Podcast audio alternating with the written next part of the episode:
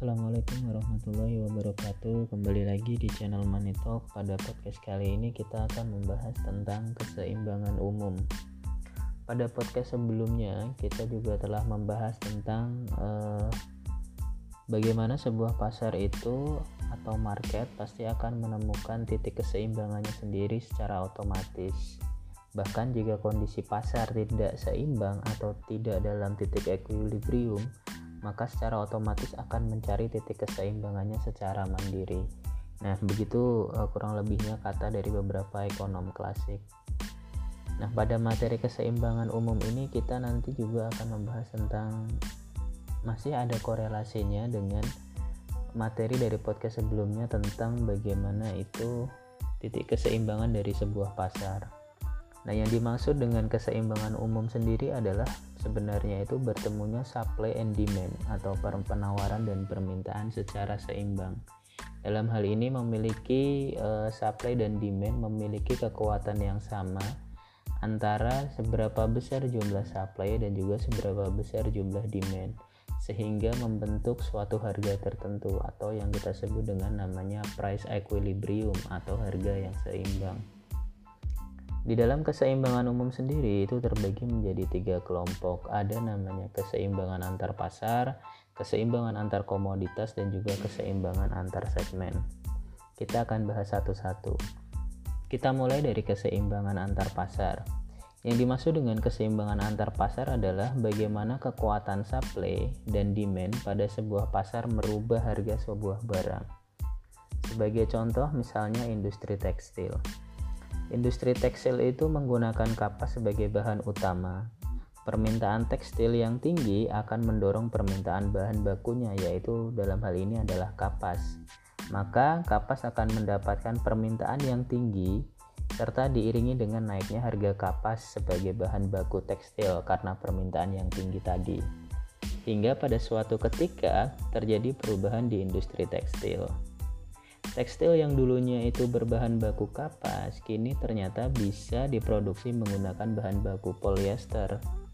Karena adanya substitusi antara kapas dan polyester, di sisi lain, perbaikan pada teknik produksi polyester akan mendorong supply dari polyester itu sendiri menjadi lebih tinggi dibanding sebelumnya. Nah, dengan jumlah supply yang besar dari sebelumnya, itu pasti akan menurunkan harga dari polyester itu sendiri. Dikarenakan harga polyester mengalami penurunan karena kenaikan dari jumlah supply tadi, sementara harga kapas tetap, maka industri tekstil akan lebih banyak menggunakan polyester dibandingkan dengan kapas. Nah, itu adalah e, sebagai contoh bagaimana keseimbangan pasar antara polyester dan juga pasar kapas dalam hal bahan baku dari sebuah industri tekstil. Lalu bagaimana dengan keseimbangan antar komoditas? Sama halnya dengan keseimbangan antar pasar, keseimbangan komoditas juga akan mengalami hal yang sama. Keseimbangan komoditas menunjukkan bagaimana perubahan produksi pada suatu barang itu akan mempengaruhi produksi dari komoditas lain. Nah, yang membedakan antara keseimbangan antar pasar dan keseimbangan komoditas adalah kalau keseimbangan komoditas itu bersaing dengan komoditas lain guna mendapatkan pangsa pasar atau yang disebut dengan market share. Contohnya begini. Ada dua komoditi, komoditi beras dan gandum misalnya. Sekarang, beras itu lebih diminati oleh konsumen dibanding gandum.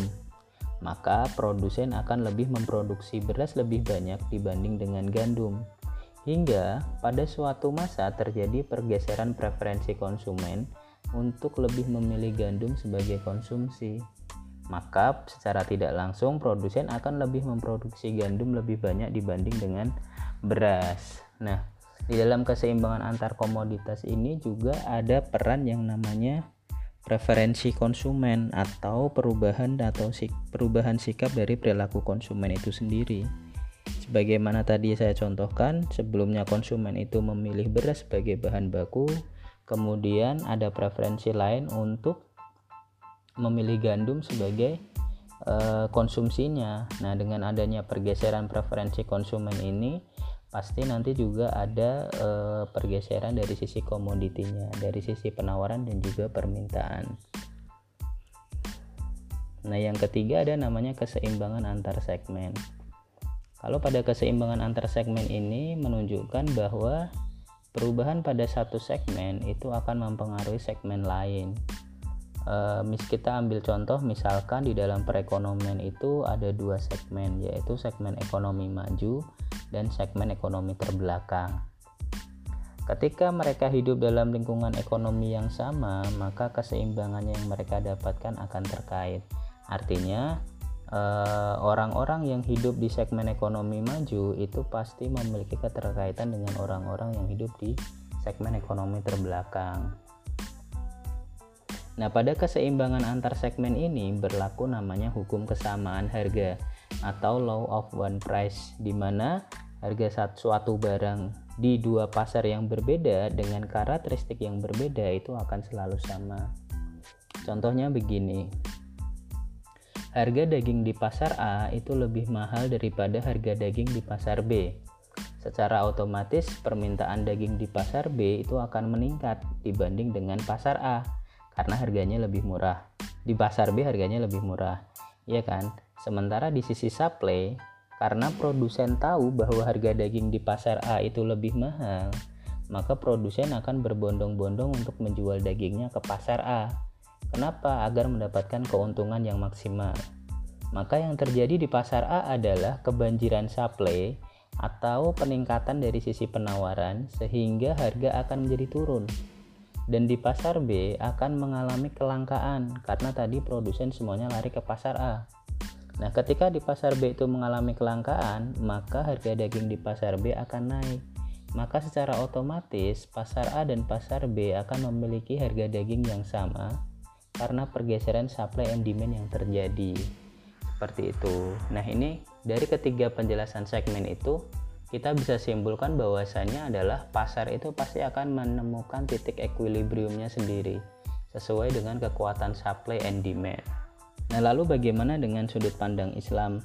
Di sini pada dasarnya setiap individu itu akan bersaing guna meningkatkan kesejahteraan individu tersebut dengan tetap menggunakan hukum satu harga di nama di mana terdapat dua segmen masyarakat yaitu masyarakat maju dan masyarakat terbelakang.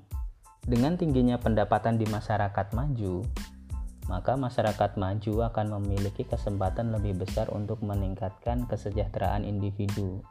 Dengan konsekuensi masyarakat maju akan mengkonsumsi barang dan jasa dengan harga yang lebih tinggi. Naiknya barang dan jasa akan membuat masyarakat terbelakang kesulitan untuk mengkonsumsi dan meningkatkan kesejahteraan individu mereka. Maka, dengan adanya distribusi kekayaan dari masyarakat maju ke masyarakat terbelakang melalui instrumen zakat akan meningkatkan daya beli masyarakat terbelakang dan masyarakat terbelakang lebih mampu meningkatkan kesejahteraan individunya. Nah, ini kita kembali pada uh, keseimbangan antar segmen. Di sana ada namanya segmen ekonomi maju dan segmen ekonomi terbelakang. Kita ambil contohnya seperti itu. Nah, ketika segmen ekonomi maju itu mengkonsumsi suatu barang, otomatis mereka mampu membeli barang itu jumlahnya lebih banyak daripada ekonomi terbelakang. Nah, ketika para ekonom maju ini mengkonsumsi barang lebih banyak, otomatis permintaan akan barang tersebut akan semakin tinggi. Ketika barang tersebut e, memiliki permintaan yang tinggi disebabkan oleh konsumsi atau perilaku konsumsi dari ekonomi maju, maka barang tersebut akan mengalami kenaikan harga. Nah, jika barang tersebut semakin mahal, maka yang terjadi dari ekonomi orang-orang ekonomi terbelakang adalah mereka tidak lagi mampu membeli barang tersebut maka dari itu tadi dikatakan bahwasanya orang-orang ekonomi maju itu pasti memiliki kesempatan lebih besar dibanding ekonomi terbelakang. Nah, ketika orang-orang ekonomi terbelakang ini tidak mampu membeli suatu barang, maka yang terjadi adalah kesenjangan sosial di sana. Gap antara si kaya dan si miskin itu terlalu besar. Karena apa? Karena lagi-lagi orang-orang ekonomi terbelakang dengan pendapatan yang tidak tinggi atau dengan pendapatan yang dengan pendapatan yang terbatas tidak mampu mengkonsumsi barang dan jasa sebagaimana yang dikonsumsi oleh orang-orang dari segmen ekonomi maju. Nah, Maka dari itu untuk mengurangi kesenjangan sosial itu yang diperlukan adalah distribusi kekayaan. Nah, Islam itu punya instrumen namanya zakat untuk mendistribusikan sebuah kekayaan. Agar apa? Agar orang-orang di ekonomi terbelakang ini memiliki kemampuan lebih baik untuk mengkonsumsi barang dan jasa. Memang meskipun tidak bisa disamakan apple to apple atau 11-12 dengan konsumsi orang-orang ekonominya orang-orang ekonomi maju tapi paling tidak dengan adanya distribusi kekayaan ini para ekonomi terbelakang atau dari segmen terbelakang ini mampu meningkatkan kesejahteraan individunya dengan cara membeli atau mengkonsumsi barang dan jasa sedikit lebih banyak dibanding sebelum adanya zakat. Beberapa waktu lalu saya juga sudah pernah menyampaikan bahwasanya ketika para ekonomi kapitalis atau ekonom konvensional itu mengatakan bahwasanya kesejahteraan sosial itu adalah gabungan dari kesejahteraan individu maka itu tidak dibenarkan atau tidak terbukti di teori keseimbangan umum ini terutama pada keseimbangan antar segmen mereka berasumsi bahwasanya jika setiap individu itu sudah sejahtera, maka kesejahteraan kolektif itu akan tercipta. Tapi ternyata tidak. Ketika setiap individu itu uh, telah mencukupi kebutuhannya atau kesejahteraannya, maka yang terjadi adalah kesenjangan sosial yang makin lebar. Karena tadi uh, yang pertama adalah pendapatan seseorang itu tidak sama. Kemudian yang kedua preferensi konsumen juga berbeda. Nah, dari situlah kemudian menimbulkan kesenjangan sosial. Untuk meminimalisir itu, maka perlu ada namanya redistribusi kekayaan. Nah, Islam punya instrumen berupa zakat. Nah, makanya e, menurut saya e, itu menjadi kurang cocok ketika kita berbicara bahwasanya kesejahteraan kolektif itu berawal dari kesejahteraan individu. Tetapi menurut saya adalah kesejahteraan kolektif itu akan tercipta jika setiap individu memiliki peran untuk saling mensejahterakan orang lain. Maka dengan demikian kesejahteraan kolektif itu bisa tercapai. Kurang lebihnya seperti itu dari materi tentang keseimbangan umum. Mohon maaf atas kekurangannya, semoga bisa sedikit menjelaskan tentang bagaimana kondisi pasar itu berjalan dan bagaimana price equilibrium atau harga keseimbangan itu berlaku. Bila itu hidayah, Assalamualaikum warahmatullahi wabarakatuh.